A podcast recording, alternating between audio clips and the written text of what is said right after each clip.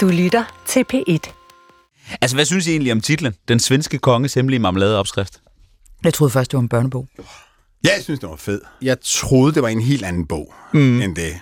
Men så da der kom... Men lyder det ikke som en børnebog? Jo, det synes jeg jo også. Og jeg tror faktisk, hvis man læser det sådan, så får man måske en bedre oplevelse.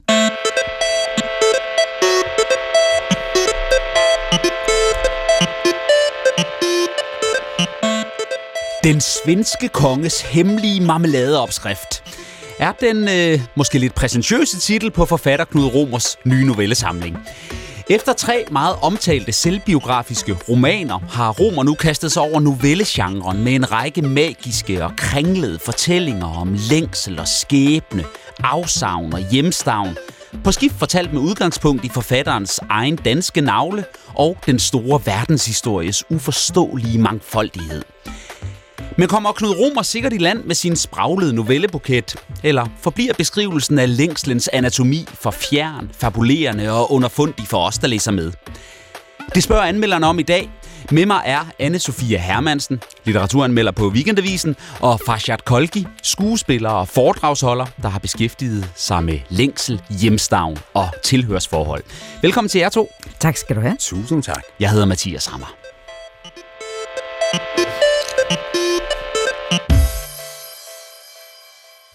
Thomas trak sig afsted mellem fortovscaféer og torvpladser og følte sig alene som en sten.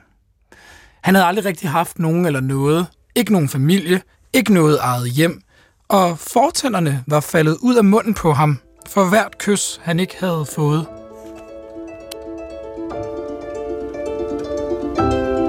Juletræsælgeren Thomas længes efter de kys, han er gået glip af i sit liv. Og netop længslen er et tema, der gennemsyrer Knud Romers 16 noveller.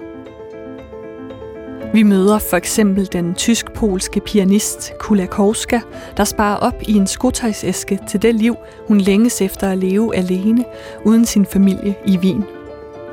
Vi møder den ældrende kvinde Ellie, der længes så dybt efter sin første kærlighed, at hun i en tåge af demens forvilder sig til at tro, at hendes mand Peter er den kærlighed. Og vi møder den ludfattige tigger Farid, der længes efter og pludselig får et liv i et marmorbelagt palads, der buner af mad og velstand.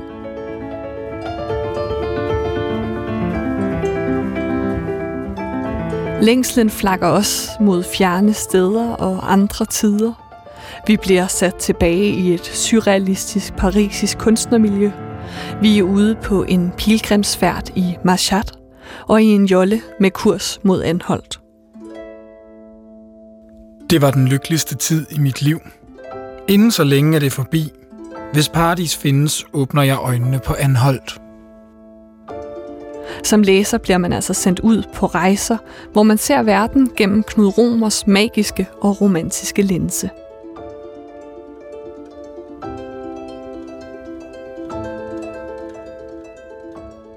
Jeg er lidt rundtosset efter at have læst Knud Romers novellesamling her. Den er så fortættet af historiske og fiktive personer, af tidsalder og magiske verdener, at man virkelig skal holde tungen lige i munden under læsningen. Den er kun 179 sider, det lyder ikke af alverden, men den skal altså læses langsomt. Og det her lidt pompøse, sansemættet og meget metaforholdige sprog rummer, synes jeg, åbenlyst en, en stor melankoli, sådan et strejf af sentimentalitet, men det er samtidig ret nedbarberet og skarpt komponeret. Det virker som om, der ikke er overflødighed i, i sproget. Det giver så meget og efterlader mig alligevel med en, en længsel efter mere. anne Sofia, blev du også rundtosset under læsningen? Det kan du tro, jeg gjorde, og jeg er også meget enig i, at hans sprog både er magisk og pompøst, og jeg tror, Knud Romer er måske en af de mest velskrivende øh, forfattere her i, i Kongeriget. Men den længsel, du nævner, at øh, du sad tilbage med, jeg er bange for, at det er en længsel efter mening. Altså en længsel efter, hvad er pointen med de her enormt smukke, parfumerede og mm. også meget stiliserede noveller. Det er i hvert fald den oplevelse, jeg selv sidder tilbage med. Det er, at han kan skrive, men jeg savner, at han skriver om noget. Jeg bliver ikke ordentligt berørt. Farshad, det vil jeg lige kaste over til dig. Bliver du berørt? Kan du mærke, hvad Knud Romer skriver om? Totalt aldeles. Det er utrolig vigtigt at, at forstå, hvad konceptet er. Og da jeg gjorde det, så må jeg nok indrømme, at jeg med det samme kunne mærke den længsel og, og ensomhed, som, som han skriver om. Jeg som, som du mener er en, en rød tråd gennem ja, novellerne, uanset mig, hvor vi er hen i verden og i Totalt aldeles. Alle de karakterer, der er med i den her bog, alle sammen, de er ensomme og de længs. Det du... synes jeg egentlig er, er inspirerende, fordi når du nævner det her med, at de har alle sammen en længsel, de mm. går rundt med en ensomhed, altså de oplever nærmest altså at være ensom ja. som en sten. Man kan jo se det for sig, samtidig med, at vi jo godt ved, at stenene ligger jo sammen med mange ja. andre. Mm-hmm. Jeg tror netop, at det du egentlig nævner der, får mig til at forstå også, at det, som han længes efter at forklare os, det er, du er altid sat i en verden.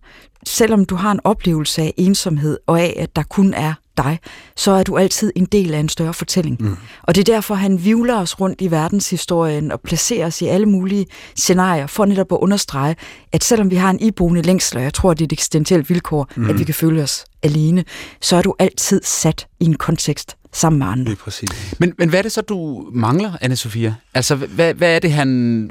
Du siger, han, han mangler noget at skrive om. Altså, der er jo 16 historier her, der hver især handler om, om skæbner og om længsel. Det er rigtigt, men det er, at øh, jeg oplever, når jeg læser det igennem, at det er til bliver uden hoved og hale. Det er som om, at den sætning, han har påbegyndt, når han så afsluttede den, har han egentlig glemt, hvad det var, han ville med den.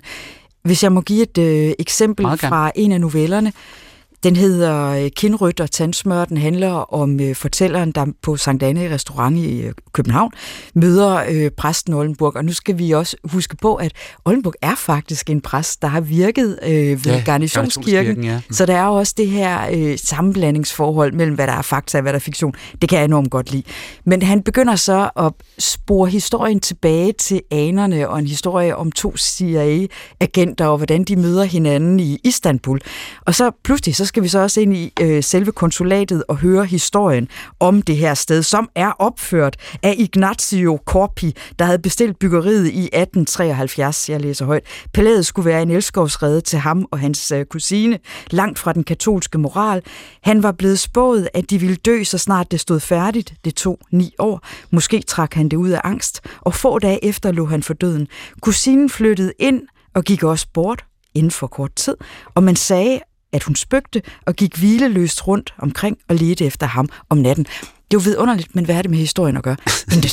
og det, det er den slags eksempler, der simpelthen er for mange af. Jeg oplever jo meget i, i mange, jeg synes, det er et mm. rigtig godt eksempel, det her, og, og det er måske øh, mindst lige så øh, udtalt i det, den første sådan store novelle, den der hedder Århundrede middagen.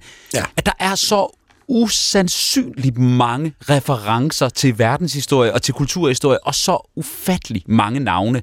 Og sådan i al ubeskedenhed, så er jeg relativt øh, velbevandret i den slags, og alligevel så føler jeg en gang imellem, jeg, jeg er fuldstændig kørt over, jeg kan ikke være med mere. Altså når vi snakker om CIA-agenter, og vi er rundt i verden, og pludselig kommer Ignacio og et palads og et harem, og i øvrigt en øh, pensioneret præst i Garnisonskirke og et stjerneskud på Sankt Anne Plads. Der, det, det, det er så, øh, det, det, det gror ud i alle mm. retninger retninger. Per Højholdt, han sagde engang, det som man skal huske på med sin metafor, det er at holde dem i kort snor, ellers render de rundt og pisser alle vegne. Og sådan har jeg det faktisk også med mange af de her referencer. Det bliver lidt altså sådan derude, hvor det bare er blær. Mm. Altså så sådan noget, hør hvor meget jeg har læst, se hvor meget jeg kan, videre. Det... Jeg er nødt til at få det knyttet sammen, så det er en fortælling, der kommer med en stor kraft, der vil forvandle den, der læser fortællingen. Jeg, jeg må sige, at jeg, jeg opfatter det hele fuldstændig anderledes. Det fik mig faktisk til at for det første tænke, og for det andet slå op Altså gå ind, og det gjorde mig nysgerrig. De der ting gjorde mig decideret nysgerrig. Mm. Og, og jeg gik på, på, på øh, hvad hedder, internettet og, og, og prøvede at se, er det, er det rigtigt? Er det de rigtige mennesker, det, han taler om? Og, så. og det gjorde mig som, som, som læser sådan ekstra aktiv. Ja. Han aktiverede mig. Og ikke kun bare øh, at skulle bare sidde og læse og mene et eller andet. Nej, jeg, jeg blev ligesom, mine fingre kom i gang med at selv skrive, hvem er dak, dak, dak, dak. Mm. Og det synes jeg var en fed oplevelse. Det tror jeg også har været ja. en af hans øh, intentioner, ja. og at det så er lykkedes hos dig, det synes jeg virkelig er, er prisværdigt, fordi mm. han, men grænsen mellem, hvad der er name dropping, og mm. hvad der sådan er til inspiration og til videre research, er hårfin. Og for mit vedkommende, der kommer det her til at bringe mig tilbage til dengang, jeg læste litteraturhistorie i 90'erne, hvor vi var fuldstændig vilde med intertekstuelle referencer, mm. og vi blev våde trusserne. Altså, hvis det bare var sådan, at der kunne være et hav af referencer til hele verdenshistorien. Men i dag, der har jeg set meget mm. af det mange af de her referencer, der kan blive vævet ind i fortællinger, og jeg er nødt til at bede om noget mere elegance. Jeg er nødt til nå, også at bede om, at det skal være relevant. Så du synes, de der enormt mange referencer er en smule opstyltet? Eller, øh, det bliver for opstyltet. På tænk på uh, Borges, for eksempel, som jo også skriver fiktioner og øh, fortællinger, hvor han hele tiden forsøger at konstruere verden på ny, og det er faktisk lidt den samme intention, jeg fornemmer, at øh, Knud Romer han har, at han tager en, en episode, og så går han tilbage, trævler den op for egentlig at sammensætte den igen på ny i et andet mønster, eller ligesom hvis vi forestiller os de der kaleidoskoper, man drejer, og så ser man, hvordan perlerne mm. de så falder en lille smule anderledes. Men jeg, men jeg mangler, at det også skal samle sig til sådan en emotionel oplevelse. Ja. Når litteratur for mig at se er stærkest, så har den en forandringskraft. Det her, det ender med bare at blive blær. Ja, okay. Men må jeg så ikke lige prøve at komme med øh, et andet eksempel, fordi jeg, jeg forstår godt øh, det eksempel, du kommer med, og jeg er øh, langt hen ad vejen enig med dig. Men jeg synes også, der er eksempler undervejs, hvor Knud Romer, altså på det, det jeg forestiller mig, en novelle skal på meget få sætninger at skabe meget, meget klare billeder. Og jeg faldt lige over en øh, beskrivelse fra den novelle, der hedder Opium, som handler om sådan en øh, tysk-polsk pianist, der... Mm. Øh, Tjener for, penge og sparer. Ja, lige op. præcis. Ja. Og fortæller så om, øh, eller vi, vi følger hende også øh, sådan et flashback til ungdommen, hvor hun skal gifte, så øh, hendes kommende svigermor er ikke begejstret. Man kunne skære stillheden ud i gærdejskagen, da han endelig tog hende med til et teselskab.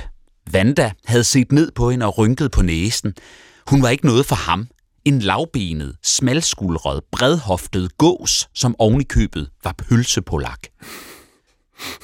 Det siger meget, gør det ikke det? Jo, jo men det gør det. Det er meget godt, synes jeg. Det, men der er jo også masser, der er også eksempler på det virtuose, altså på, at han også fremskriver så centrene sådan fin og klar en, en, en skønhed samme novelle, som jeg citerede fra før den her øh, kindryt og tandsmør, der skriver han jo også om, hvordan den person, han indledningsvis har mødt i novellen, går videre, og jeg havde oplevet et af de lykketræf, hvor vores veje krydses ved et tilfælde og forbinder sig i et tindrende øjeblik.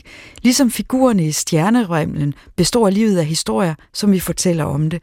De giver retning og udvikling, mål og mening, og miraklernes tid er ikke forbi. Fortuna væver et flyvende tæppe af de mindste ting, og Napoleon er nogle håndtryk væk, siger man.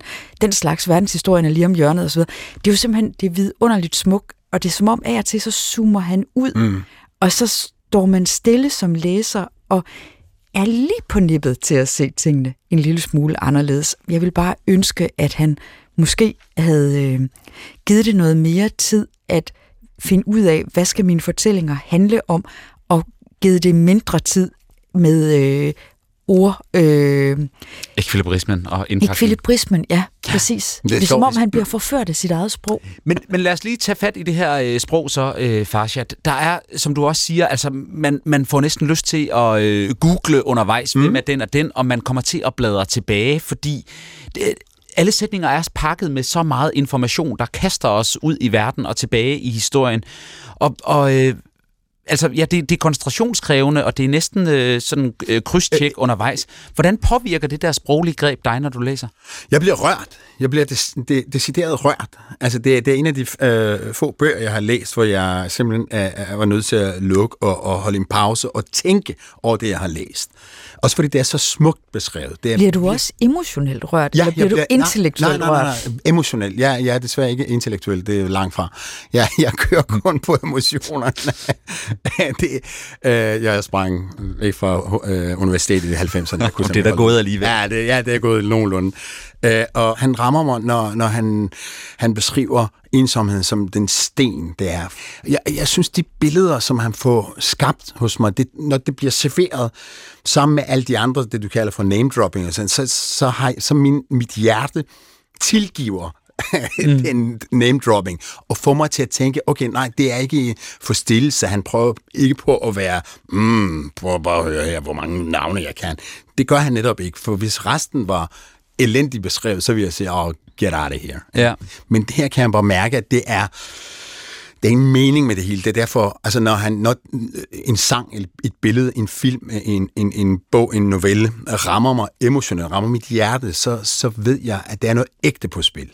Men må jeg spørge Ja. lidt nysgerrigt øh, ind til, hvad er det, der rammer dig? Øh, fordi du, for, mm. kan du give et eksempel? Er der en af novellerne, hvor der er en historie, som ekkoer i ja, dit, sjæl? De, som sagt, de fleste af dem handler om ensomhed, men den øh, øh, novelle, som, som rammer mig rigtig meget, det var, det var øh, den øh, polske pianist, Mm-hmm. som i mange, mange år havde sparet penge sammen, var spille rundt omkring i verden, for ligesom at flygte fra øh, det liv, han nu havde, øh, sammen med den mand, der engang havde været i systemet. Og, mm. og, og slutningen var så rørende. Øh, jeg ved ikke, om jeg skal sige det, men, men slutningen der, hvor, hvor hun så tager en anden beslutning i hvert fald, øh, frem for at, at flygte, den er så rørende. Noget, der rører mig i næsten alle de historier, det er drømmen om noget bedre, men så finder de så ud af mm. i løbet af historierne, at wow, det jeg har foran mig, det er altså guld. Og, og den, Du... Det, det er så rørende. Jeg, jeg, jeg bliver helt rørt, når jeg taler om det. fordi den historie, du nævner nu, det er den, der hedder Opium, Ja, ja. som altså handler om den her øh, pianist, mm. der vil væk, Lige og slutter af med til allersidst, at hun kommer hjem til den her mand, hun egentlig vil væk fra, og hun. Ja. har sparet op til at kunne komme væk. Og så slutter det af i kærlighed. Jeg elsker dig, sagde han. Ja. Og hun lagde albummet fra sig og forstod, hvor dybt han var sunket. Og så ender det med, at hun øh, vil, vil blive derhjemme, ja. og det slutter af med, det var første gang i umindelig tid, at de lagde sig i den samme seng og faldt i søvn ja. med hinanden i hånden. Men vi... Det er også smukt. Det er simpelthen... Men- Men, og jeg kan er- også godt lide, at han er heller ikke bange for at gå ind i det lidt banale. Altså, der er Nej, der er også masser... noget patetisk i det her, eller sådan. Ja, præcis, men der kan opstå mirakler. Ja, og livet er banal. Men må, men må jeg lige spørge, når vi, når vi har øh, fat i det her, så er det jo Knud Romer, der er forfatteren, øh, og Knud Romer er jo også en forfatter og en personlighed, der, mm. der fylder mere end en gennemsnitlig forfatter, fordi de fleste mennesker i Danmark ved, hvem han er og, og hvad han står for, kender hans egen øh, skæbnefortælling, hans skilsmissehistorie, og ikke mindst hans øjensygdom, at han er ved at miste synet. Øhm, og alle de her historier handler altså om sjælens ensomhed, om længslen efter tilhørsforhold, at blive omfavnet, at blive, blive elsket. Er det et, er det et tema, som resonerer hos jer, eller er afsenderen, Knud Romer, så tydeligt til stede, så det næsten øh, virker for selvbiografisk på en eller anden måde? Det tænkte jeg over, og jeg, jeg skrev i mine notater, at, at her er det en novellesamling, hvor han er, han er skruet så godt sammen, at han er bare betragteren og ægte fortælleren. Det er ikke hans historie. Når jeg fortæller om min historie, så wow, oh my god, det er både gråd og latter og alle mulige ting. Åh, oh, det er mig, åh, oh, mig, mig, mig. Men her er det, han viser os historierne. Og siger, værsgo læs. Er du enig i det, anne Sofia? Jeg fornemmer Knud Romer gennem hele novellesamlingen, og det er bestemt ikke et problem. Jeg ville faktisk ønske, at der var flere, der trådte mere i karakter, ligesom Romer han gør. Ja. Altså, at øh, han er øh, sidrende og øh, tilstedeværende, og han er øh, for meget på en, en måde, som andre burde lade sig inspirere meget mere af. Jeg holder enormt meget også af den måde, han træder ind i meningsdannelsen, og ikke er bange for også at sætte kunst og kultur på dagsordenen. Mm. Vi er savner faktisk flere mennesker som Knud Romer. Og jeg, jeg har en helt anden oplevelse øh, end dig, faktisk, når, når jeg læser det, fordi jeg kan høre ham. Jeg kan nærmest fornemme hvert et åndedrag også, og det gør ikke noget. Jeg vil bare ønske, at han beåndede teksten så lidt mere, også med mange af de indsigter, som jeg synes, han også øh, begunstiger øh, den offentlige debat med. Igen kommer jeg tilbage til min væsentligste kritik af, af novellesamlingen, og det er, at den handler om for lidt. Jeg bliver rørt over at høre, at, øh, at du er blevet så berørt over en af, af novellerne. Jeg var lige ved at være der øh, med øh, den novelle, som øh, samlingen i øvrigt har fået sin øh, titel fra, mm. Den svenske konges hemmelige marmeladeopskrift. Øh, læsere, øh, som lige nu, øh, potentielle læsere, folk der lytter til det her program, skulle næsten overveje faktisk at gå ind og så øh, tjekke netop den novelle ud, som egentlig også er en fortælling om afsavn og længsel mm. blandt en flok nonner, og hvad er det så, de i al hemmelighed næres af.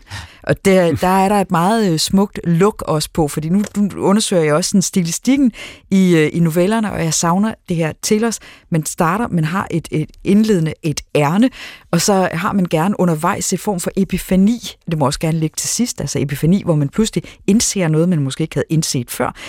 Og så skal der også være en afrundende slutning. Der er simpelthen for mange af dem, som bryder med det formmæssige, og som bare er, øh, undskyld mig udtrykket, for jeg ved det banalt, de er bare for flade som pandekage. Altså det er, det er for mange referencer, og for meget name-dropping, og for mange sådan lidt selvforelskede billeder, hvor man øh, kan forestille sig, han har skrevet det, og så tænkt, gud, det her det er virkelig et vidunderligt billede.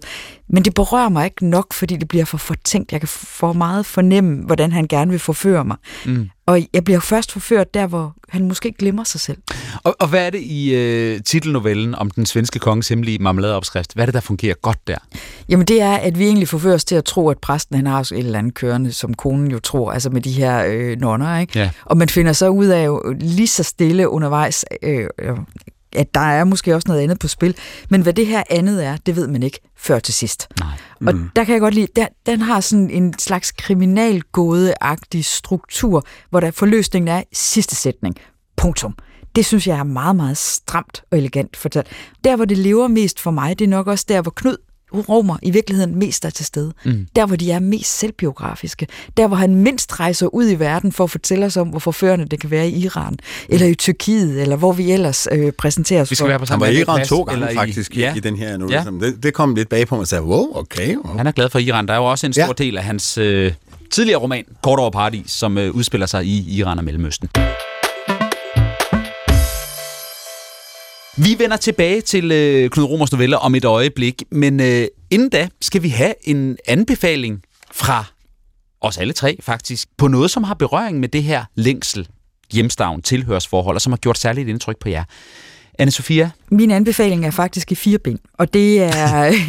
Alex øh, Schulman, som jeg øh, opdagede for noget tid siden, da jeg læste øh, Brænd mine breve. Der var sådan en meget dramatisk titel. Jeg tænkte, der må være et eller andet på spil her. Emotionelt, så det øh, lyder også dysfunktionelt. Lige noget for mig.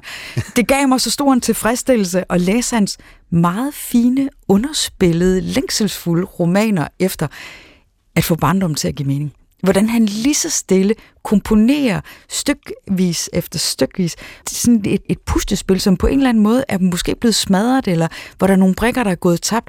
Den længsel efter at få sit liv til at give mening, resonerer enormt meget hos mig. Jeg vil læse alt af ham.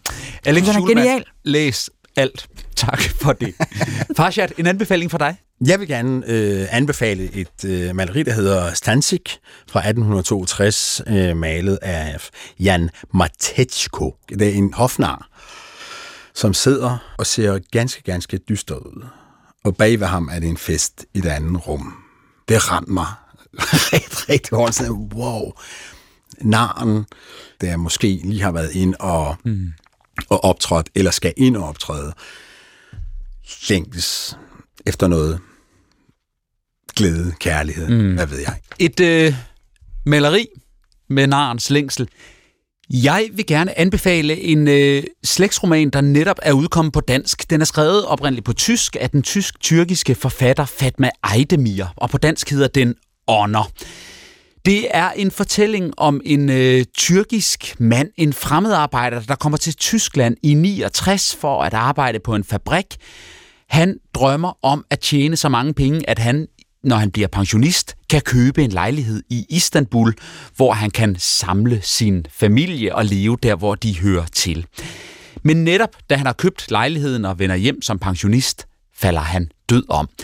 Herefter følger vi hans fire børn og hans enke, som er vokset op i Tyskland, men altså er tyrkiske, i deres kamp for tilhørsforhold til identitet, i deres øh, bestræbelser på at komme ud af rollen som outsider, som fremmed i deres eget hjem. Fatma Eidemir skriver med en suveræn pind, og det er virkelig interessant læsning. Det er noteret. Fantastisk. Vi øh, skal afslutningsvis vende tilbage til øh, Knud Romers øh, novelle, Den svenske konges hemmelige marmeladeopskrift. Fashat Kolgi, du øh, er begejstret for de her 16 noveller. Vil du ikke lige prøve at sige, hvorfor synes du, andre skal læse den her? Det er en af de mest enkle bøger i, i formen, som jeg, som jeg har læst. Af hver enkelt af de historier har, har ramt mig. Det er en god oplevelse, og hvis man vil blive rørt, øh, uden at blive patetisk, jeg synes ikke, det er patetisk, eller noget, jeg synes virkelig, det er en, en præcis bog, efter mm. min mening. Mm. Anne-Sophia Hermansen, du øh, er knap så øh, begejstret. Hvad skulle Knud Romer have gjort for for alvor at imponere og medrive dig? Jeg ville ønske, at han i den svenske konges hemmelige marmeladeopskrift måske havde skrevet færre noveller, og så havde skrevet nogle af novellerne mere stramt, altså og rettet dem øh, hårdere imod læseren. Hvad er det, du vil forandre hos læseren? Fordi han, jeg synes, han vil for meget. Der ligger for mange ting på bordet. Altså, vi skal rejse ind og ud af, af hele verden. Vi skal oprulle verdenshistorien, og det, øh, jeg kan godt lide, det er ambitiøst, men det er nødt til også at være tænkt enormt stringent og enormt målrettet. Og så er der altså det, som jeg altid holder allermest af, når jeg læser litteratur, det er, at der skal være en form for mening. Man er nødt til at have noget på hjerte, når man skriver. Det er ikke nok bare at kunne skrive. Og jeg synes her, det bliver for meget ekvilibrisme, og det er vidunderligt, men det er ikke nok, fordi jeg ved, hvad Knud Romer er i stand til, og det er at bevæge læseren derhen, hvor man finder et nyt sted i morgen, end man havde fundet i går. Jeg har læst slugt Knud Romers tidligere romaner og er helt vild med Knud Romers forfatterskab og den måde, han kan formulere sætninger og skrive netop længsel og melankoli ind i ordene. Og det synes jeg også langt hen ad vejen, han lykkes med her. Men jeg har det lidt ligesom at høre et øh, stort stykke symfonisk musik, som bare klinger helt enormt smukt, men jeg kan ikke rigtig høre melodien. Hvor er det, vi skal hen? Så øh, jeg synes, øh, man skal læse Knud Romers øh, novellesamling, fordi det er en, øh, en, en lækker læseoplevelse at svælge i, og så ønsker jeg, at Knud Romer bliver skarpere på sin historie. Og finder melodien. Ja, og finder melodien. jeg, jeg synes, melodien er der.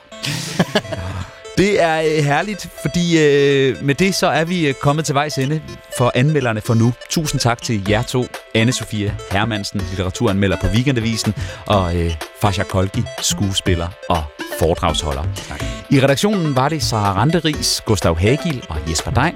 Jeg hedder Mathias Sammer. Tak for nu.